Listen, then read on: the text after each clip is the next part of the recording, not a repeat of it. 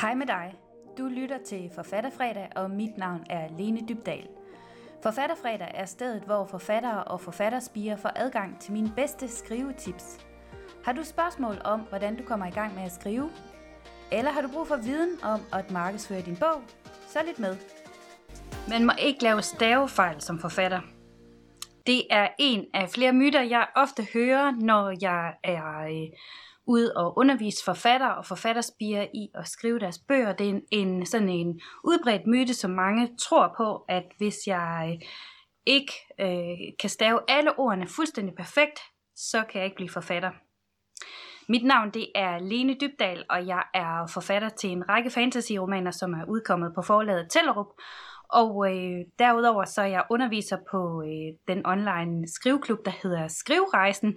Hjertelig velkommen til Forfatterfredag. I dag så skal det handle om øh, tre myter, som forfatterspiger fortæller sig selv, og som de ofte tror på, men som jeg synes er synd, at øh, de tænker sådan, fordi det kan faktisk gøre, at det holder den tilbage fra at komme i gang med at skrive den historie, de drømmer om. Og den første myte, som jeg ofte hører, det er den her med, at man må ikke lave nogen stavefejl som forfatter.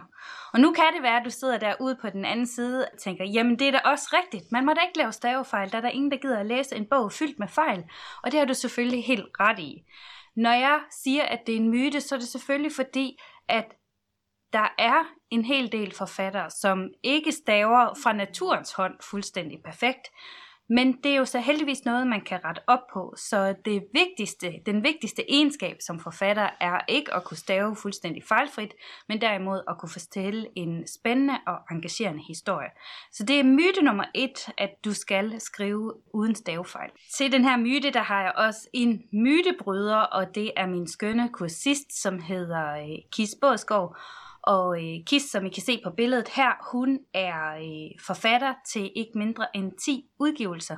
Men hun har faktisk ikke haft det så let i sin udvikling som forfatter, netop fordi hun har haft svært ved at øh, stave fuldstændig korrekt, i det hun er ordblind, og det er ikke noget Kis øh, selv lægger skjul på, det står endda på hendes hjemmeside. Men det gør jo også bedriften så meget desto større, at hun har lykkes med at kunne udgive bøger, til trods for, at hun har øh, ordblindhed. Og det, der er jo sejt ved Kis, det er, at hun er eminent dygtig til at fortælle en god historie. Hun er faktisk så dygtig, at hun har været nomineret hele to gange til en lydbogspris hos Mofibo. Og øh, det er beviset på, at man altså sagtens kan være dygtig til at fortælle en god historie, også selvom man ikke staver alle ordene fuldstændig korrekt. Så det var min myte, min mythbuster nummer et. Nu skal vi til myte nummer to. Den anden myte, jeg tit hører forfatterspiger udtrykke i forskellige fora, både på Facebook, men også selvfølgelig inde på skrivrejsen, det er det her med, at jeg tør ikke at dele min tekst, fordi jeg er bange for, at andre stjæler min idé. Og nu kan du måske sidde derude og tænke, ja, sådan har jeg også tænkt, det er derfor, jeg ikke har lyst til at dele min tekst med nogen, det er derfor, jeg for eksempel ikke øh, opsøger en beta-læser, altså en anden person, som skal give noget feedback på den tekst, jeg sidder og skriver nu, for jeg er simpelthen bange for, at hvis jeg finder en eller anden tilfældig på internettet, så kan det være, at vedkommende stjæler min idé eller stjæler min tekst. Og min mytebryder til øh, myten nummer to, det er nummer et, hvis nogen har lyst til at stjæle din idé, så har de jo typisk ikke hele ideen, fordi du har det meste af den op i hovedet. De ser kun toppen af isbjerget, hvis du har sendt dem et uddrag af det, du gerne vil have feedback på. Så det, det er den første myteboster til den øh, myte eller forestilling. Den anden, det er, at der er jo ikke nogen, der kan skrive den her historie på samme måde som dig. Og øh, det leder mig faktisk videre til myte nummer tre, som øh, vi skal dykke ned i i dag, og det er den, der hedder min tekst skal være original for at kunne blive udgivet og for at nogen gider at læse den. Og med det samme vil jeg sige, det er altså også en myte, fordi der er blevet skrevet historier i hundredvis af år, og øh, i tusinder af år vil jeg tro, at vi har fortalt hinanden historier. Faktisk så er det sådan, at forskere har samlet syv arketypiske plots, det vil sige syv grundfortællinger, som vi mennesker fortæller hinanden på tværs af kulturer på tværs af landegrænser og på tværs af sprog. Det er altså en type af historie, som bliver ved med at dukke op i vores øh, forskellige historiefortællingstraditioner.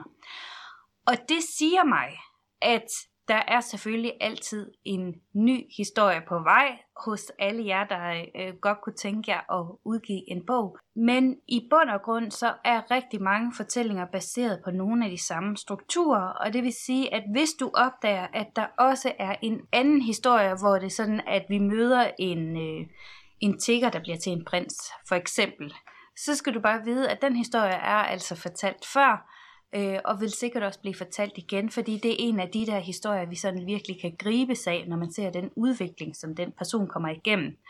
Så min myteboster til den her, det er altså, at der findes de her syv arketypiske plots. Det er faktisk noget, jeg underviser i på min online skriveklub, Skriverejsen. Og den anden er, at til trods for, at din historie sandsynligvis er skrevet før, at der er nogen, der har tænkt nogle af de samme tanker, så skal du være glad for, at du jo ikke har skrevet den før.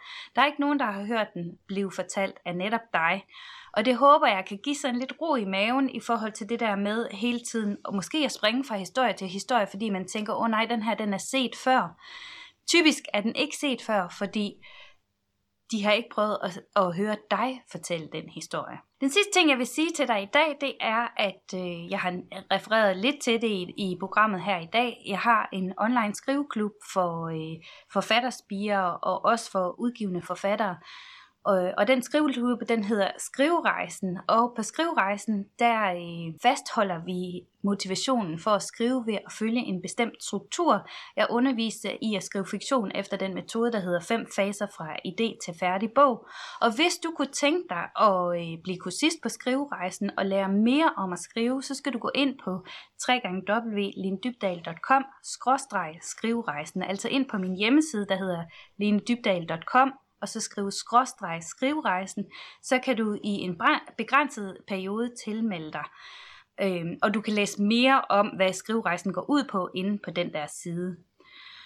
Så hvis vi lige skal opsummere de tre myter, som jeg ofte hører forfatterspiger fortælle mig, så er det altså nummer et, du må ikke lave stavefejl, og den har vi jo bostet med, at jo, man må gerne lave stavefejl, hvis man er dygtig til at fortælle en god historie, hvis man har styr på det her med at skabe den fede struktur for ens historie, så gør det altså ikke noget, at man laver stavefejl, for det er noget, der kan rettes efterfølgende. Den anden myte, som jeg ofte er ude for, det er den her med, at jeg tør ikke dele min historie med andre, for de kan stjæle min idé. Typisk så stjæler folk ikke din idé, fordi de kan ikke forestille sig hele den idé, der ligger bag det, du måske har delt med dem. Man ser næsten altid kun toppen af isbjerget, og det er jo det, er jo det der er så fedt ved, at vi ikke kan gå ind og læse hinandens tanker endnu. Og den tredje myte, det er den her med, at... Øh, min historie skal være original, ellers er der ikke mulighed for at få den udgivet. Jeg kan endda berolige dig med, som jeg glemte at sige lige før, at hvis din historie ligner en anden historie, så, som er udgivet, så har du allerede lidt et bevis for, at der er, findes læsere til netop den type af historie, som du sidder og skriver. Jeg håber, at de her øh, tips har været til hjælp for dig, og øh, du kan finde mig på min podcast, der hedder Forfatterfredag. Du kan også finde mig på YouTube, hvor jeg har en YouTube-kanal, og øh, hvis du ikke allerede er subscribet til min kanal, så tryk på subscribe-knappen og den lille klokke ved siden af, så går du ikke glip af næste gang, jeg øh, uploader nye videoer. Og hvis du sidder og hører med på min podcast, så vil jeg anbefale dig, at du trykker på på subscribe der, hvor du hører dine podcasts. Allersidst så vil jeg minde dig om, at jeg i en begrænset periode har åben for tilmelding til mit skrivekursus, som hedder Skriverejsen, og du kan læse alt om det inde på www.lindybdal.com skriverejsen. Rigtig god skriveløst.